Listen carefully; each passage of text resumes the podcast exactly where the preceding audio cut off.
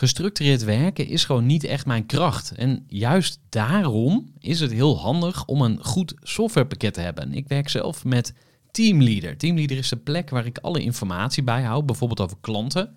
Waarin ik offertes maak en verstuur en die digitaal laat ondertekenen. Waarin ik facturen verstuur, waarin ik lijstjes bijhoud, waarin ik projecten kan managen, waarin ik standaard e-mails kan programmeren. Kortom, ik gebruik Teamleader om alle werkprocessen van mijn bedrijf te stroomlijnen. En zeker ook als je met een team werkt, is het heel fijn om over dezelfde informatie te beschikken.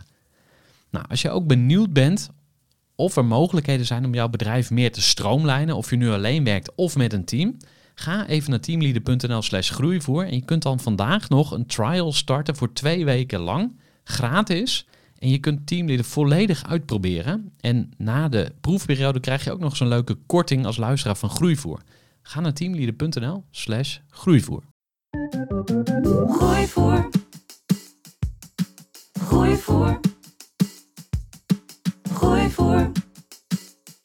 Zoek je inzicht, inspiratie voor je eigen bedrijf. Wil je elke dag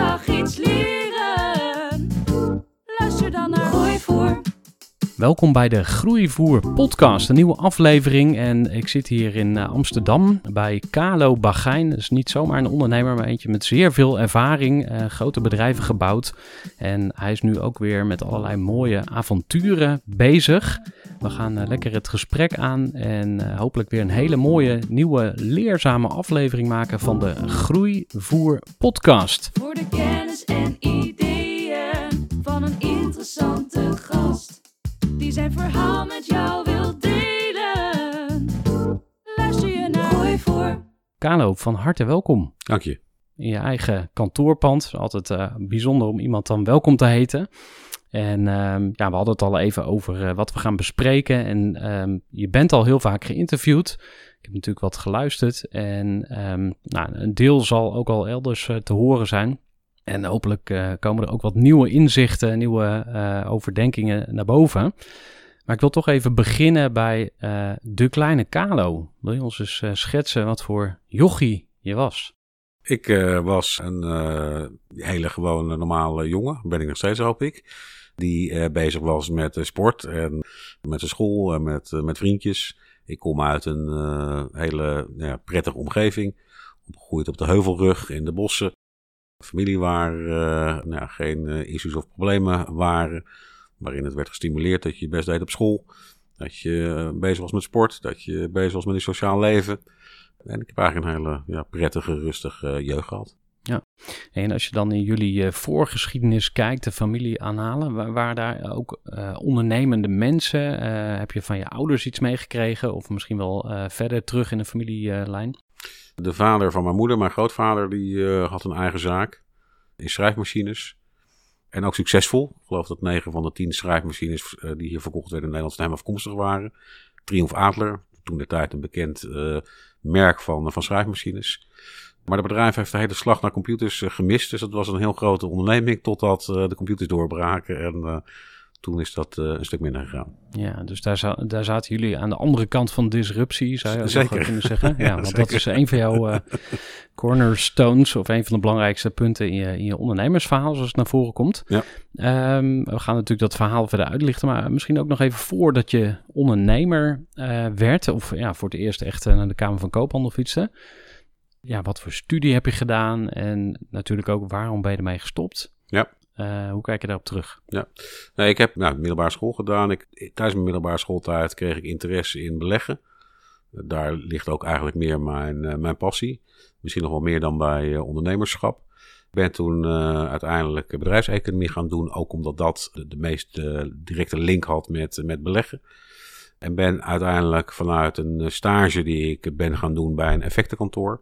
eh, werd ik gevraagd om daar eh, in dienst te komen. En eh, ja, toen moest ik een keuze gaan maken. Wat ga ik doen? Ik eh, doe deze studie om uiteindelijk iets met beleggen te gaan doen. Ik kan nu direct wat met beleggen gaan doen. En ik heb uiteindelijk besloten om, eh, om dat te gaan doen, daar te gaan werken. En toen ben ik in 94 van start gegaan met, met, met mijn werk. En wat is nou zo leuk aan beleggen? Kun je dat eens uitleggen? Nou ja, het is ook een beetje een sport. Hè? Een sport om slimmer te zijn dan, dan anderen. Om iets proberen te voorspellen wat waarvan je wel weet dat het niet te voorspellen valt. Ja, ik vind het ontzettend interessant. Ja, dus het is eigenlijk een, eh, vooral het spelletje, de, de sport, de denksport als het ware. Ja, En heb je dan grootheden waar je naar kijkt? Ik bedoel, Warren Buffett is natuurlijk een, eh, een bekende. nee, er zijn verschillende eh, zeer succesvolle beleggers waar ik, eh, waar ik wel eens met een schuin oog naar kijk. Tegelijkertijd weet ik ook dat, het, eh, dat beleggen eh, en daarmee extra rendement halen, doordat je slimmer bent of doordat je iets kan voorspellen, dat dat eenvoudigweg niet, eh, niet mogelijk is. Vroeger wel dan? Of? Nee, het is, het is nog steeds een hobby van me. En ik ben op steeds op zoek nog naar een manier om dat wel te kunnen doen. Maar Ja. tegelijkertijd weet ik, en is er wetenschappelijk ook voldoende aangetoond dat dat niet mogelijk is. Als je een goed rendement uit aandelen wil halen, dan moet je heel breed spreiden. En er niet meer aankomen. Ja, en gewoon blijven zitten. forget it. Ex- Exact, Mhm. exact. En dat is eigenlijk de enige manier om het rendement te maken wat aandelen op lange termijn geven. Eh, maar het blijft uiteindelijk een, een hobby. En eh, ja, daar verlies je ook wel eens wat geld mee. Oké. We gaan snel eh, verder naar het ehm, eh, ondernemersverhaal. Want ja, beleggen is toch een beetje aan de zijlijn staan. Maar als je gaat ondernemen, dan speel je zelf het spel. Ehm, kan je nog het moment herinneren waarop je dacht van... oké, nu ga ik echt voor mezelf beginnen. Ja. En hoe ging dat? Ik eh, werkte bij IMG Holland, mijn eerste werkgever, samen met mijn eh, latere compaan Thierry Schaap. En eh, wij deden daar institutionele derivatenhandel. Dus wij voerden derivatentransacties uit voor grote institutionele partijen. Eh, met name buitenlandse banken, Goldman Sachs, Merrill Lynch, eh Société Générale, dat soort partijen. Die deden dat in Nederland bij voorkeur via, ja, niet concurrenten, dus niet bij de ABN of bij de Rabo, maar bij kleine gespecialiseerde partijen. Daar waren we actief op. En mijn baas kwam daar in 1994 terug van de vakantie uit, uit Amerika. En eh, vroeg aan, aan mij of ik wel eens gehoord had van het wereldwijde web. Nou, dat had ik nog nooit van gehoord. Eh, dus hij, ik zei, wat is dat? Hij legde dat uit. Dus ja, een bepaald systeem dat je met deze computer, met elke computer op de wereld kan communiceren. En ik weet nog dat ik tegen hem zei, maar dat kan toch logistiek niet? Want dan moet er van deze computer een draad naar al die andere computers. Nou, hij wist het ook niet precies, maar hij had gehoord dat zou het helemaal gaan worden. En daar zijn we toen internetbeleg gaan opzetten in een hele vroege fase. Eh, toen banken niet alleen nog geen internetbeleg aanboden, maar ook een domeinnaam niet hadden vastgelegd. Die hebben wij nog een tijdje in ons bezit gehad van ABN Bank, van Rabobank, van ING Bank, eigenlijk van alle partijen. Het is een hele vroege fase. En eh, ja, dat, dat groeide best eh, serieus. En dat was eigenlijk een heel ander model dan het model wat we gewend waren daar te doen. Daar deden we heel weinig orders, maar heel groot qua omvang voor de institutionele partijen. Misschien 20, 30 transacties op een dag. En opeens veranderde dat, want met dat internetbeleggen gingen we juist heel veel transacties doen. Eh, maar over het algemeen hele kleine orders. En eh, wij kregen daarover een verschil van inzicht over hoe we dat zouden moeten aanvliegen met eh, de directie. En we waren Thierry en ik. En dat zat er met name in investeren in de achterkant. Wij waren ervan overtuigd dat als je niet de achterkant zou automatiseren, want alles gebeurde daar toen nog handmatig, dat uiteindelijk dat hele internetbeleggen een bleeder zou worden. En de directie daar was eh, veel meer gefocust op de voorkant. kwam ook wel omdat er toen wel een discussie ontstond over waardering van IT-bedrijven, of een paar jaar verder.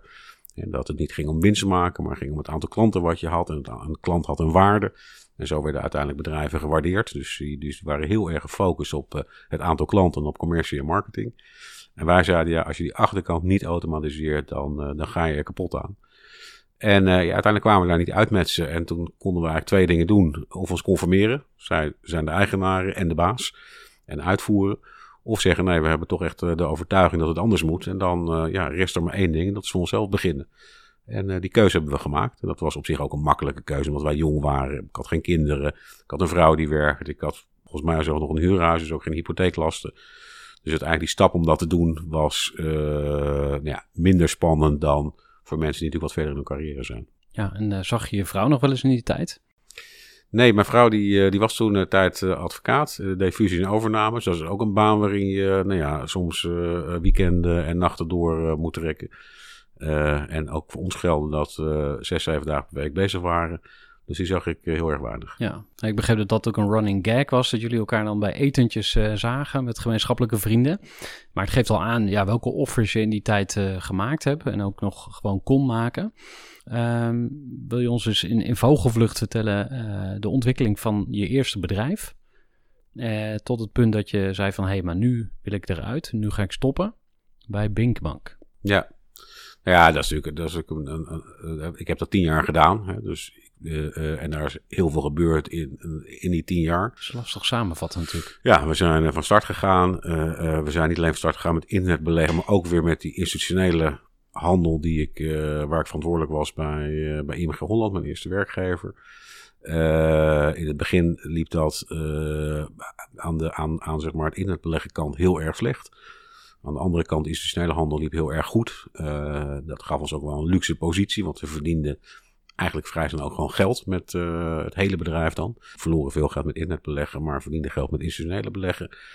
Uh, en ja, daarna is het eigenlijk crescendo gegaan en heel hard gegroeid. en hebben we heel veel in korte tijd gedaan. We zijn bank geworden, wat natuurlijk in Nederland geen sinecure is. Volgens mij had je een tijdje geleden Ali Nicknam in jouw... Uh, ja, klopt, ja. Uh, nou, die heeft ook... Die kan je alles vertellen over hoe ingewikkeld het is om een bankvergunning te krijgen. maar goed, wij waren hè, daarvoor degene die, die, eigenlijk sinds 30 jaar de eerste bankvergunning van Nederland weer, weer kreeg. Hij kwam daarna met, met zijn bankvergunning. maar dat zijn enorme processen waar je dan doorheen moet. Ook op hele jonge leeftijd. Ook geen ervaring in, in het runnen van een, van een bank. Uh, we zijn naar de beurs gegaan met het bedrijf, wat ook uh, een behoorlijk traject is. We zijn uiteindelijk internationaal geëxpandeerd. We zijn uh, actief geworden in België, in Frankrijk, in Italië. We hebben onze grootste concurrent Alex, toen de tijd onderdeel van de Rabobank, overgenomen. Voor een bedrag wat ongeveer gelijke tred hield met onze totale marktkapitalisatie. Dus dat ook een high impact had voor, voor ons.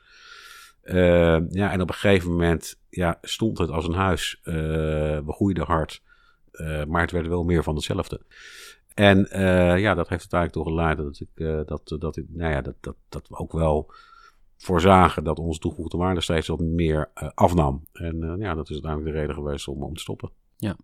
Um, in de literatuur wordt wel eens ge gesproken over bepaalde groeifasen. Als je terugkijkt, zie je bepaalde uh, tendensen of bepaalde stappen die jullie gezet hebben?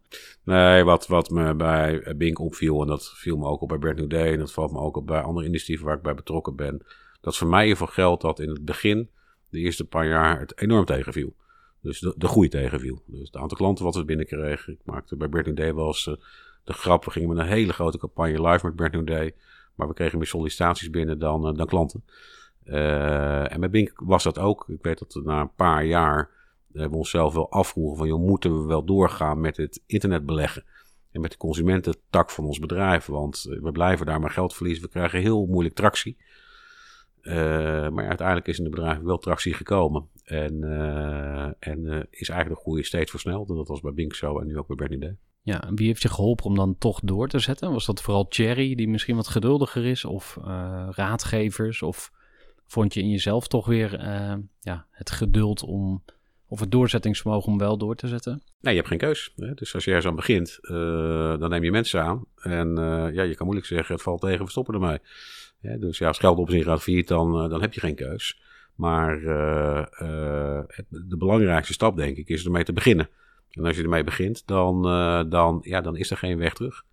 Uh, en we hadden dan het geluk dat we voldoende kapitaal hadden om het, uh, laten we zeggen, uh, uit te zitten die tijd. Of uit te zitten, maar in ieder geval alles aan te doen om wel die tractie erin te krijgen.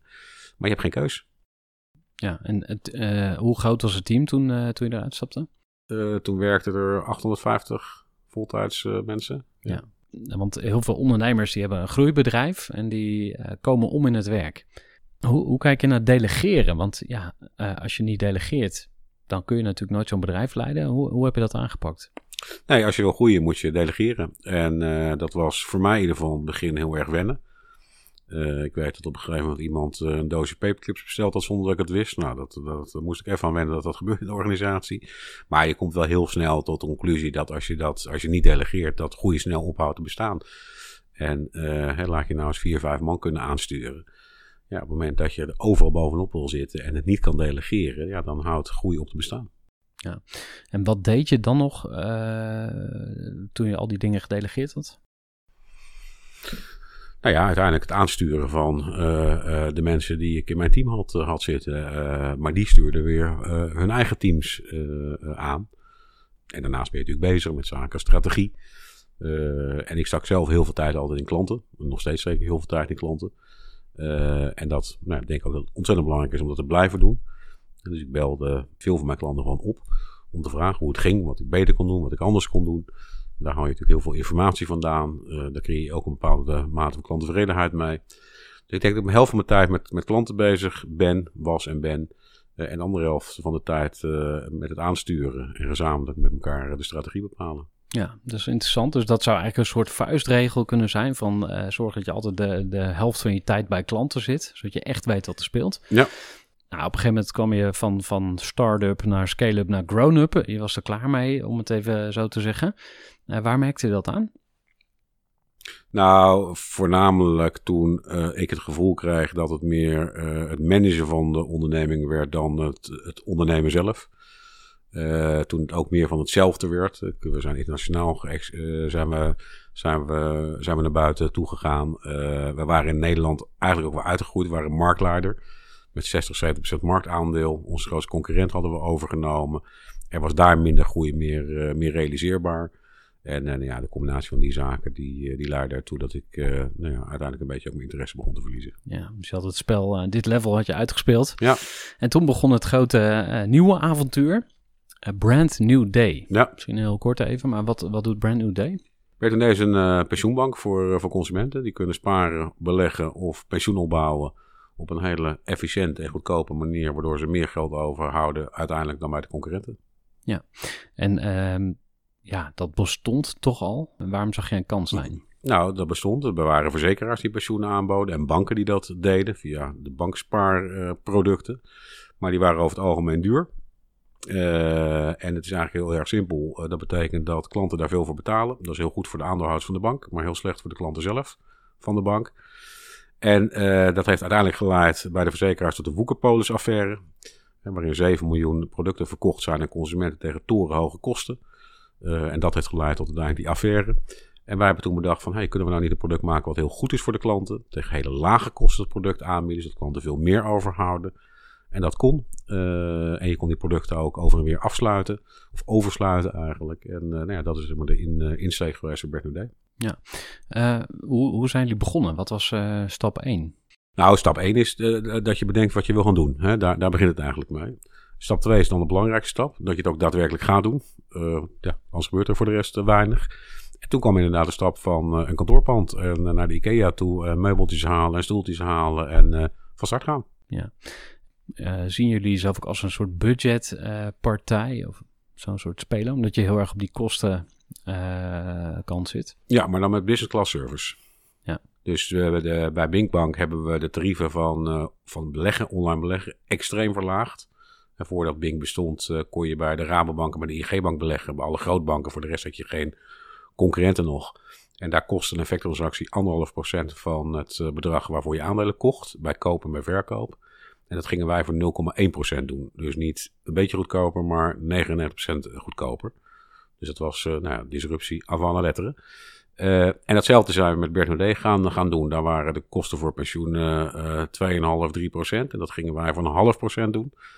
En dat, dat lijkt misschien niet zoveel, 2,5% minder, maar dat heeft bij pensioenen heeft een enorme impact, omdat die pensioenen lang lopen. Dus dat kan je tientallen procenten in eindkapitaal uh, en dus zometeen in pensioeninkomen, kan je dat opleveren. Ja, dus compounded interest of ja, op de lange termijn. Exact. Ja. Um, was dat IKEA Meubilair ook een statement naar het team toe? Van hey, uh, we gaan hier niet uh, gouden kranen uh, installeren en moeten een beetje op de kleintjes letten? Of hoe, hoe, hoe zijn jullie daarmee omgegaan? Nou ja, wij maken iedereen wel bewust in onze bedrijven dat uiteindelijk onze inkoop ook onze verkoop bepaalt. En dat wij een prijschallenger zijn. En dat we dus moeten zorgen dat we heel kostenbewust en ook kostenefficiënt zijn. En ja, daar is het onderdeel van dat je bij, bij de IKEA je meubels haalt. maar goed, zo, het was niet allemaal zo doordacht hoor. Maar dat was eigenlijk, ja, dat was, daar niet eens over nagedacht. We reden met de auto naar de IKEA toe en haalden de meubels op. Ja. waar staan jullie nu?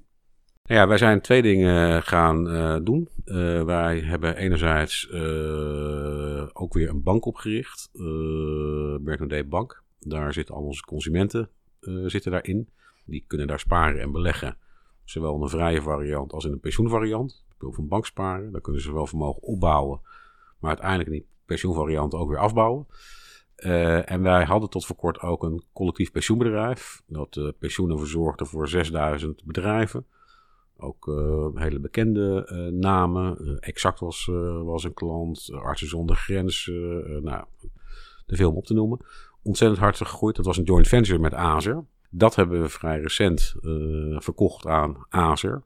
En nu zijn we alleen met de bank, of alleen maar in ieder geval met de bank actief op het gebied van, van consumenten.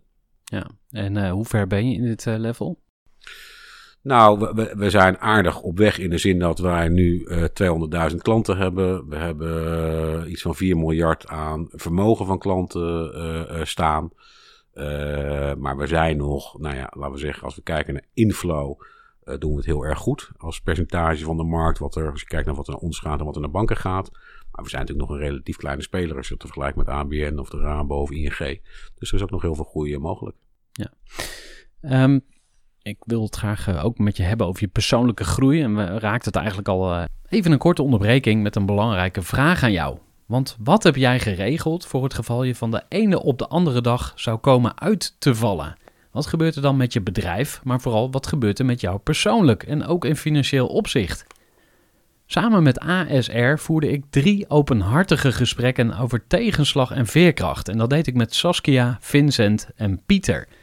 Ondernemers met een bloeiend bedrijf die van de ene op de andere dag niet meer konden werken. En die verhalen hoor je in aflevering 256, 257 en 258 van deze podcast. Als ondernemer wil je natuurlijk niet uitvallen. En daarom is het belangrijk dat je veerkrachtig bent, want voorkomen is beter dan genezen. En als het dan toch misgaat, is het fijn dat je iets geregeld hebt, zodat je weer snel door kunt met ondernemen. Wil je weten hoe veerkrachtig jij nu bent? Vul dan in twee minuten de veerkrachttest van ASR in. Ga naar asr.nl slash veerkrachttest ondernemers. Even aan, want uh, ja, als je wilt groeien met je bedrijf is het belangrijk dat je zelf ook groeit als uh, ondernemer. Wat zijn uh, mentoren die je gehad hebt of mensen die jou echt geholpen hebben? Nou ja, dat is het nadeel van ondernemerschap. Dat je niet standaard iemand boven je hebt die je vertelt dat je het ook zus of zo kan, kan doen. Uh, ik had het geluk dat ik een partner had met wie ik goed kon levelen, uh, met wie ik goed kan levelen. Uh, maar ik had niet een, een, een mentor met wie ik zaken bespreek. Maar ik lees nog steeds trouwens veel biografieën waar natuurlijk wel eens wat van, van opsteekt. Of gesprekken die je her en der met, mensen voert. En ik heb wel geluk gehad dat ik veel mensen ben tegengekomen waar ik af en toe wel van dacht: hey, dat, is, dat, is, dat is interessant. Of een, of een goede les. Of ja, want uh, ja, je staat nu zeg maar uh, in de top van, uh, van Nederlandse ondernemers. Maar ja, er zijn natuurlijk altijd weer mensen die net een stapje verder zijn. Je noemde al even John Ventenen van Vlissingen. zijn er nog meer um, ja, grootheden, om het zo te zeggen, waar je dan wat van geleerd hebt? Nou ja, we, hadden, we hebben altijd wel te maken gehad met investeerders. Ja, er zijn, er zijn legio dingen die ik van mensen heb, heb opgestoken. Nou, ik weet in het begin bij Bink ook dat, dat campagnes onvoldoende aansloegen. Uh, en dat je dan in ieder geval met, met mensen waarvan jij denkt dat ze daar verstand van hebben ook mee over praat. En uh, ja, ook daar weer zeg maar ideeën over krijgen. Maar uiteindelijk ja, moet je toch wel je eigen weg volgen. En je hebt een eigen idee. Je kan een beetje met je eigen idee op je bek gaan dan met de ideeën van iemand anders er is helemaal niks mis mee. Sterker, het is heel erg goed denken om af en toe ergens wat, wat, wat ideeën op te halen. Maar als je echt ervan overtuigd bent dat je, dat je, dat, dat je op de goede weg bent, ja, zet dat gewoon door. Ja, dat is ook het stuk wijsheid in het woord eigenwijsheid. Dus ja. uh, volg je eigen pad. Ja. En misschien even over jou en Thierry. Want ja, wat waardeer je het meest aan hem? Nou ja, wat heel erg goed is ons werkt, is dat wij noemen dat de voorkant en de achterkant. Dus Thierry maakt zich druk om de achterkant. En dat zijn dingen als IT, finance, risk management, al dat soort zaken. Ik over de voorkant, dus klanten, de business, producten, commercie, sales en marketing. ik zorg dat, dat, dat we omzet draaien, maar hij zorgt dat we niet, niet omvallen. En die combinatie die is ontzettend plezierig. Uh, en uh, we hebben veel vertrouwen in elkaar. Uh, dat betekent dat we ook heel weinig over mekaars kant hoeven te sparren. En wat we delen is de strategie van, van de onderneming. En het is enorm belangrijk dat daar een soort natuurlijke balance of, of power is in een, in een organisatie. Want ja, als je geen klanten binnenhaalt, dan, dan, dan, dan zou je niet lang bestaan. Maar als je aan de achterkant niet georganiseerd hebt en je haalt veel klanten binnen aan de voorkant, dan zou je ook niet lang bestaan. Dus dat, dat, is, dat werkt voor ons in ieder geval ontzettend goed. Ja, en eh, hoe los je dat op als je het niet met elkaar eens bent? Je hebt vast wel eens eh, met slaande deuren eh, afscheid genomen. Eh, heb je daar een voorbeeld van eh, waar je aan terugdenkt? Nou ja, gelukkig zijn we nu ook wat ouder geworden, dus dat gebeurt wel minder. Bij Bink was dat vaker het geval, inderdaad, slaande ruzie, slaande. Maar wij wisten altijd van elkaar dat, ik weet vaak dat andere mensen meer van schrokken als ze erbij waren van onze ruzies dan wij zelf. En die waren ervan overtuigd dat wij nooit meer elkaar zouden willen zien. Terwijl wij wel wisten dat we dat met een biertje samen zouden oplossen. En de volgende dag weer met frisse moeten tegenaan zouden gaan. Ja. Eh, Denk je dat je het zonder Thierry eh, zo ver gekomen was? Nee, zeker niet. Nee, Nee. nee. nee, nee. wat, ik- wat ik net zei, dat, het is, ik, en, ik spreek wel met start-ups en dan vragen ze, joh, wat is belangrijk? Het is een van de dingen, zorg, zorg dat, dat als de groei komt, dat je de groei ook aan kan. Want eh, eh, het, eh, je kan makkelijk failliet gaan door geen klanten, maar je kan ook makkelijk kapot gaan door kapot te groeien. Dus je moet gewoon zorgen dat je, dat je eigenlijk het bedrijf zo neerzet aan de achterkant dat het klaar is voor de komende vijf of, of tien jaar. En dat groei niet een, eh, een probleem voor je wordt, maar eh, dat dat kan vallen in een eh, goed georganiseerde organisatie. En nee, dat, dat, ik zou die achterkant niet op zo'n manier kunnen, kunnen neerzetten. Nee. Ik vroeg je waar, ja, waar je blij mee bent bij Thierry. Maar is ook iets waar hij nog een klein beetje aan kan werken? Eh, nee, nee, het is, eh, het is, eh, het is door, doordat we samenwerken zijn we ook hele goede vrienden geworden. En ehm, nou ja, wat zal ik, wat, wat zal ik, wat zal ik zeggen? Ehm, nee, ik- het is een hele plezierige, plezierige om mee te werken. Oké. Ga, ga ik de vraag omdraaien? Wat, wat vindt hij jou best? Nou, trouwens, Ja? ook, bij- soms denkt hij heel af en toe dat hij wel wat van, van, van de voorkant weet.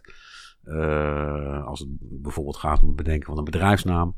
Dus bij Bink, eh, Bink Bank, die naam heb ik dan eh, bedacht. Of samen met, met, eh, met eh, gespecialiseerde partij. Maar hij had zelf ook een naam bedacht. Dat was One to Invest. 1, 2 Invest. En dat was toen best wel hip en modern. Ehm, en nou ja, daar kan hij wel eens zijn dat hij dan een, iets heel bijzonders heeft. en dan is het moeilijk om hem te overtuigen dat, dat, dat, dat, dat, dat, dat, we, dat we een andere naam moeten, moeten gaan gebruiken. Maar goed, dat is een klein dingetje. Ja. En dan eh, andersom. Wat, wat waardeert hij het meest aan jou? En wat, wat vindt hij nog steeds bloedirritant? Nou ja, ik denk dat het een beetje omgekeerd is van wat ik net zei. Dat, eh, dat hij ook de toegevoegde waarde van mij ziet aan de voorkant. Die ik bij hem ook zie aan, eh, aan de achterkant. En dat ook hij de overtuiging heeft dat je dat allebei in een natuurlijke verhouding in een organisatie moet, moet hebben. De aandacht voor commercie, maar ook de aandacht voor, voor je nou ja, operationele beheersbaarheid van je organisatie. En dat er, nou wat ik ook aangaf, we aan beide kanten veel vertrouwen, zodat we dat allebei op ons vakgebied heel erg goed, eh, goed kunnen. Eh, dan zijn we nu aangekomen bij mijn favoriete onderdeel van het gesprek, denk ik. En hopelijk ook dat eh, van jou. En dat gaat over het opzetten van nieuwe bedrijven. Ik heb zelf twee bedrijven, een uitzendbureau, waar ik na tien jaar flink op uitgekeken was. Dus ik herkende wat van jouw verhaal. Eh, toen ben ik eruit gestapt en een nieuw bedrijf begonnen. Dat heet Groeivoer. En eh, met Groeivoer heb ik een businessclub voor ondernemers die willen groeien. En daarnaast ben ik nu aan het kijken eh, naar het opzetten van nieuwe bedrijven. Dus daar wil ik het heel graag met je over hebben. Wat komt erbij kijken? Waar moet je op letten? Waar ben je momenteel mee bezig als het gaat om het opzetten van nieuwe bedrijven? En ja, hoe pak je dat aan? Nou, ik vind het, laten we zeggen, het opzetten van een bedrijf en de eerste paar jaar het ontwikkelen van een onderneming, vind ik zelf de intellectueel meest uitdagende eh, periode in een eh, onderneming. Ook de belangrijkste. Het allerbelangrijkste is natuurlijk het besluit om het te gaan doen. Van 0 naar 1, zeg maar. Ja, exact. Eh, Maar ook de eerste paar jaren daarna, dat zijn vaak natuurlijk de moeilijkste periodes in de onderneming. Ik zelf maak altijd een beetje het verschil tussen tot 50 man, tot 100 man en tot, tot, tot, ik vind de fase tussen 50 en 100 man, dat vind ik de meest ingewikkelde fase van de onderneming. Waarom precies? Nou, tot 50 man ken je iedereen en is het ook wel een familiair, vaak een familiaire onderneming. Ehm, en ehm, eh, vervolgens, als je de ambitie hebt om te groeien, dan eh, moet je ergens op een gegeven moment ook management gaan aan, aannemen. Je hebt dat management ook echt nodig eh, om de volgende stap te zetten. Nou, dat gebeurt, gebeurt vaak bij, laten we zeggen, zo'n 50 eh voltijds medewerkers die je in dienst hebt. Dan voegt dat management nog onvoldoende toe, maar je hebt ze nodig om die volgende stap te kunnen, te kunnen zetten. Dan gaat personeel ook vaak een beetje klagen. Van vroeger was alles anders en toen rapporteerde ik aan de baas. En nu moet ik rapporteren aan een, eh, aan een manager. Eh, dus dan ontstaat er een beetje een vacuüm in onderneming. En als je dan weer boven die 100 man bent, dan dennert het allemaal wel weer door.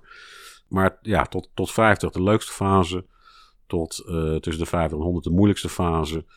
En na 100, dan, nee, wat ik al zei, dan, hè, dan, dan ben je naar alle waarschijnlijkheid wel heer te stee. Dus ja, vandaar die, die, die onderverdeling. Ja, en dan naar nieuwe bedrijven opstarten. Hè? Want er zijn natuurlijk wat mensen uit je, je bestaande bedrijven gestapt en die iets nieuws zijn begonnen. Er komt een aantal podcasts terug.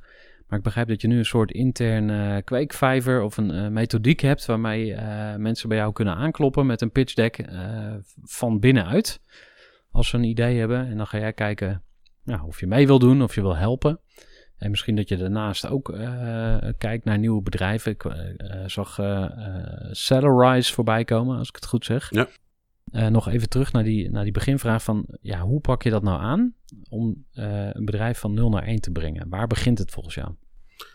Ja, het begint met een idee. Je moet een idee hebben wat je wil uh, gaan doen. Nou, die ideeën die zijn er veelvuldig, want ik weet niet of jij wel tegen mensen aanloopt die een idee hebben, maar... Ik ben zelf ik, een ideeënmachine. Nou, dus, kijk, ja. kijk.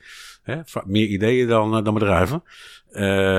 maar het gaat natuurlijk om dat je er wat mee doet met het idee. Dus de volgende fase is dat je het idee omzet in, in actie. als je ervan overtuigd bent dat je er wat mee, mee kan. En ja, daarna is het uh, met name toch heel goed je strategie voor het voetlicht kunnen brengen voor je mensen. De allerbeste mensen aannemen die je kent. Ja, en dan is het toch gewoon heel hard hollen en rennen en roepen dat het sneller en beter moet. En, en hopen dat het een succes wordt. Ja, en heb je het gevoel dat het nu moeilijker is om te gaan ondernemen dan vroeger? Nou, dat hangt er helemaal vanaf wat je gaat doen. Het is, het is nu tegenwoordig veel makkelijker om ook de concurrentiestrijd aan te gaan met grote instellingen. Dat was natuurlijk 30, 40 jaar geleden onmogelijk. Uh, qua investering alleen al. Uh, je, toen kon je niet voorstellen dat je een concurrent van de bank kon worden. Terwijl dat nu een aantal keer is, uh, zijn de banken ook, ook opgericht. dus nee, ik zou zeggen dat dat, dat niet zo, zo is, nee. Hm. Wat, wat zijn verder nog de ingrediënten die je nodig hebt om iets van de grond te krijgen? Hoe, hoe belangrijk is bijvoorbeeld groeigeld? Hoe kijk je naar het team? Wat, wat, zijn dingen waar je op let als jij als investeerder kijkt naar de setup van een nieuw bedrijf? Nou ja, dat, dat zijn een aantal dingen. Maar ja, het spreekt voor zich dat uiteindelijk de kwaliteit van jouw medewerkers de, doorslag geeft. Hè. Dat zegt ook iets over de kwaliteit van je tent. Ik bedoel, dat is niet veel meer dan de mensen bij elkaar opgeteld. Dus dat is natuurlijk ontzettend belangrijk. maar natuurlijk ook je businessmodel en, en de markt waarin je begeeft. En daarnaast moet je ook gewoon heel veel geluk hebben om uiteindelijk van iets iets te maken. Dus, dus het zijn een aantal factoren die daarin in meespelen. Ja, en die geluksvraag, hè, die, is natuurlijk een hele voor de hand liggende, maar hoe, um, hoe be beantwoord je die zelf? Nou ja, ik denk, dat, ik denk dat geluk een enorm belangrijke factor is in het eigen succes van organisaties. En Kijk, wat, wat bijvoorbeeld VC's doen, die investeren in bedrijven. Hè, die halen die geluksfactor weg door heel breed te spreiden in verschillende ondernemingen. Maar voor die ondernemer geldt dat hij niet breed verspreid is, maar in één onderneming zit. Ja, en dat is ook wel, ja, dat, daar is de factor geluk uh, ontzettend groot in. Ja. Het moet allemaal maar even mee zitten ook. Uh, en als het tegen zit, dan uh, je moet tegen de stroom inroeien, dan, ja, dan is dat heel ingewikkeld of kan dat heel ingewikkeld zijn. Ja, en, en hoe lang ga je dan door? Hè? Dat, dat vind ik ook altijd een, een lastige. Dat is denk ik een kla nou, klassiek dilemma voor ondernemers. Van wanneer ga je iets killen? Ja. Een stekker eruit trekken en wanneer ga je door? Ja. Heb je daar ervaring mee? Nou, ik ben tot op heden heb ik geluk gehad dat mijn ondernemingen uh, het goed hebben gedaan. Uh, en ik nooit voor die keuzes heb, heb gestaan. Maar ja, je, ik neem aan dat je stopt op het moment dat geld op is. En je niet, niet meer kan. maar ik zou tot die tijd wel doorgaan. Ja. Want hoe, hoe, belangrijk is geld volgens jou en winstgevendheid? Ja, het zijn eigenlijk twee verschillende uh, ja. vragen misschien, maar... Nou ja, geld is natuurlijk gewoon uiteindelijk de, de, de, de brandstof van een onderneming. Uh, zeker als je geen winst maakt. En uh, bedrijven die in de, in de eerste fase zitten, start-up skill-ups, over het algemeen verdienen die geen geld. Dus nee, dat is natuurlijk een ontzettend belangrijk onderdeel ook van het ondernemerschap. Dat je zorgt dat er voldoende kapitaal is om dingen te kunnen doen die je wilt doen. Ja. Waar kijk je naar als je die pitch decks voor, je, voor je neus krijgt van, van um, misschien mensen van binnen, maar misschien ook mensen die je zelf ja, scout of tegenkomt in de markt. Waar kijk je dan altijd naar? Nou ja, dat, ik, je, je, komt terug op de dingen die iedereen ook zal, zal zeggen. Maar ik, ik ben er ook iets van overtuigd dat ik of maar ook andere mensen niet, maar zo in staat zullen zijn om uh, cherry te kunnen pikken, zeg maar. Om te kunnen voorspellen welke bedrijven het goed gaan doen of welke het slecht uh, gaan doen. Dus eigenlijk een parallel met beleggen. Hè? Want, ja, uh, dat, dat vroeger, is zo. Of, ja, sommige mensen denken ik kan de markt, uh, ik ben slimmer dan de markt. En, en de, sommige VC's denken dat misschien ook, of investeerders. Ja. Maar jij zegt eigenlijk van. Nou, VC's denken dat niet. Hè? Uh, die denken. Want die spreiden. Die spreiden. Ja, okay. Dus, uh, en dan zie je ook vaak dat het rendement vaak door, als in 20 bedrijven zit, door één of twee partijen gemaakt wordt. Dat een hele hoop bedrijven het niet redden. Als ze in die, in die vroege fase investeringen zitten. Dat een hele hoop het kom zie, kom staan doen. En dat er één of twee zijn die het hele rendement uh, maken. Uh, en als zij, en het is, zij zijn er bedrijfsmatig mee bezig. Dus zij zouden als eerste in staat moeten zijn om, als er iets te voorspellen valt, dat te kunnen. maar doen niet, niet voor niks aan, aan spreiden. Ja. Door als je 100% wetenschap zou hebben, dan zouden ze niet hoeven te spreiden. Want dan zouden ze upfront in het hè, de bedrijf wat in de toekomst het best gaat doen investeren. Alles. Uh, dus dus uh, bij spreiding haal je dat specifieke risico haal je, haal je weg. Ja. Um, uh, vind jij dat elke start-up een co-founder of elke startende ondernemer een co-founder zou moeten hebben? Jij hebt natuurlijk een hele goede ervaring mee, maar denk je dat mensen het alleen kunnen? Nou ja, ik denk, uh, ik denk uh, dat, dat, uh, dat, dat, dat, laten we zeggen, de expertises die, die belangrijk zijn, dat je die moeilijk in één persoon kan, kan, kan vinden. maar als iemand in staat is om wat makkelijker te delegeren, dan kan je dat natuurlijk ook met, met, met medewerkers om je heen doen. Maar het is wel heel plezierig om, nou ja, laten we zeggen, op hetzelfde level mensen om je heen te hebben, waarmee je gezamenlijk de verantwoordelijkheid pakt voor, voor zaken. Ja. Uh, hoe, hoe ben je betrokken bij die nieuwe bedrijven? Is dat, uh, denk je van, daar ga ik gewoon een beetje van de zijlijn uh, mee doen? Of ben je, heb je ook echt een actieve rol? Verwacht je dat je ergens in gaat stappen om daar nog weer een nieuw mega-avontuur te beleven? Nou ja, dat hangt ook af van, van, van, van, het bedrijf. Jij refereerde net al even aan dat veel mensen die voor mij gewerkt hebben ook voor hunzelf begonnen zijn. Nou, die spreek ik uh, van tijd tot tijd nog. En die bellen me wel eens op als ze een advies willen. Maar ze bellen me ook wel eens niet op als ze geen advies willen. Hè? Dus dat, uh, maar ik vind het wel leuk dat ik daar nog in, in, in laten we zeggen, meer een adviserende rol dan uh, bij betrokken ben. Die helemaal niet groot is, maar niet veelvuldig is. Maar ik ben er trots op dat die mensen voor zelf zijn begonnen. Dat ze daar inspiratie uit hebben gehaald. En dat ze af en toe nog eens een keer om raad vragen. nou ja, dat, dat, dat vind ik hartstikke leuk. Hey, en hoe bepaal je nou uh, hoeveel procent van de aandelen je krijgt en wat die waard zijn? Nou ja, dat zijn bij Startup Skills hele semantische discussies. Want het is zo moeilijk vast te stellen wat de waarde van de onderneming is. En ehm, nou ja, daar zijn wel modellen voor om dat, om dat uh, te bepalen. Uh, het is een hele complexe materie. Het is natuurlijk veel makkelijker bij een bedrijf wat winst maakt. Dan kan je de winst contant maken dan nu. Uh, nu moet je ook gevoel krijgen bij de zekerheid van het realiseren van die resultaten. Nee, ik denk dat met een natte vinger, maar de overtuiging dat het, dat, het, dat het iets kan worden, dat dat het meest wordt toegepast. Ja. Um, we gaan richting het einde van het gesprek. ik heb nog paar vragen uh, op mijn uh, lijstje. En één is uh, waar je denkt over 20 jaar te staan. Nou, dan ben ik hopelijk met pensioen. En wat doe je dan de hele dag? Want ik heb het gevoel dat de aard van het beestje is toch gewoon ondernemen, hard werken. Uh, dus ja, met pensioen, hoe ziet dat eruit? Nou, ik zou wel meer tijd willen hebben om te lezen.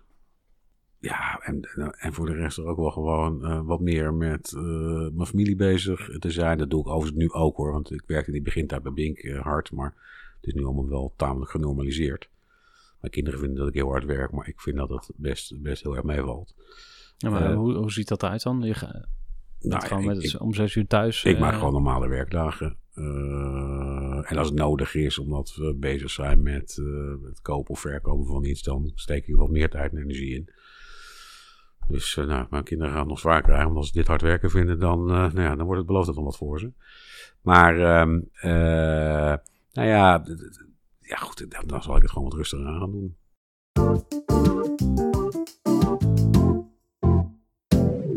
En we sluiten af met je beste les voor de mensheid of ondernemers. je mag zelf kiezen, maar ja, het is een hele moeilijke vraag. Maar als je nou één ding mag meegeven aan de ondernemers die luisteren naar deze podcast? Wat kies jij dan uit?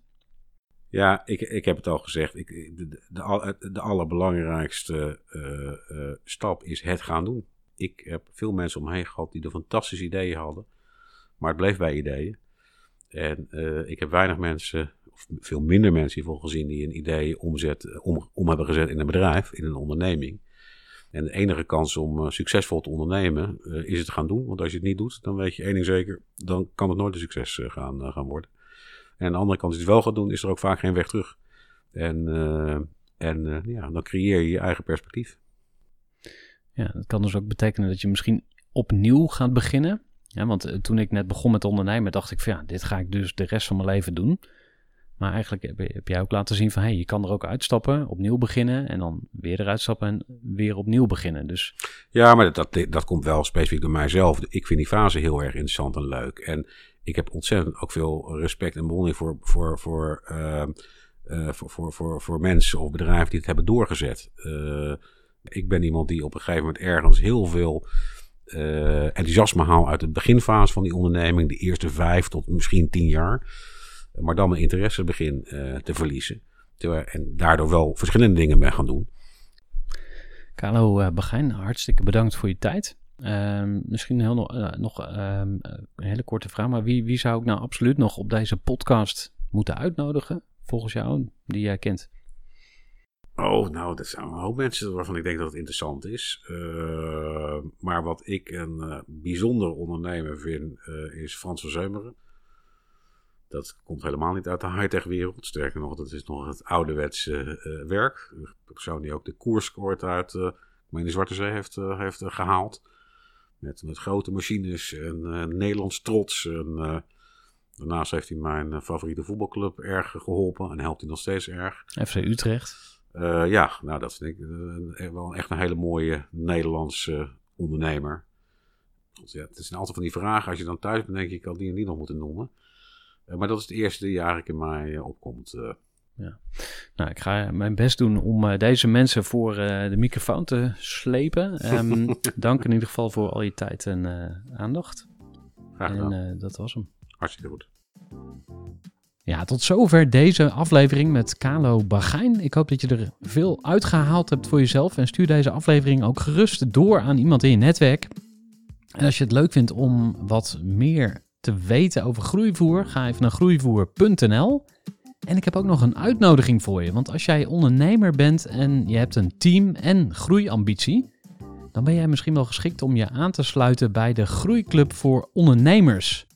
De Groeiclub is een soort mastermind en een netwerkgroep in één, waarin je aan je persoonlijke groei en het laten groeien van je bedrijven werkt en dat doen we door elke maand bij elkaar te komen. En jij kunt als uh, ondernemer met een personeel en een groeiambitie een keer aanschuiven als gast bij zo'n bijeenkomst. Nou, dat is een hele relaxte sfeer. Uh, maar tegelijkertijd zijn we ook scherp naar elkaar toe in opbouwende zin. Dus we helpen elkaar echt door elkaar een spiegel voor te houden. En we zitten altijd op een toffe locatie in de Randstad. Als je meer wilt weten, stuur mij even een berichtje via LinkedIn. En als we nog niet met elkaar gelinkt zijn, voeg me dan ook even toe. Mijn naam is Gerhard Te Velde. Dank voor het luisteren en graag tot een volgende keer. Gooi voor.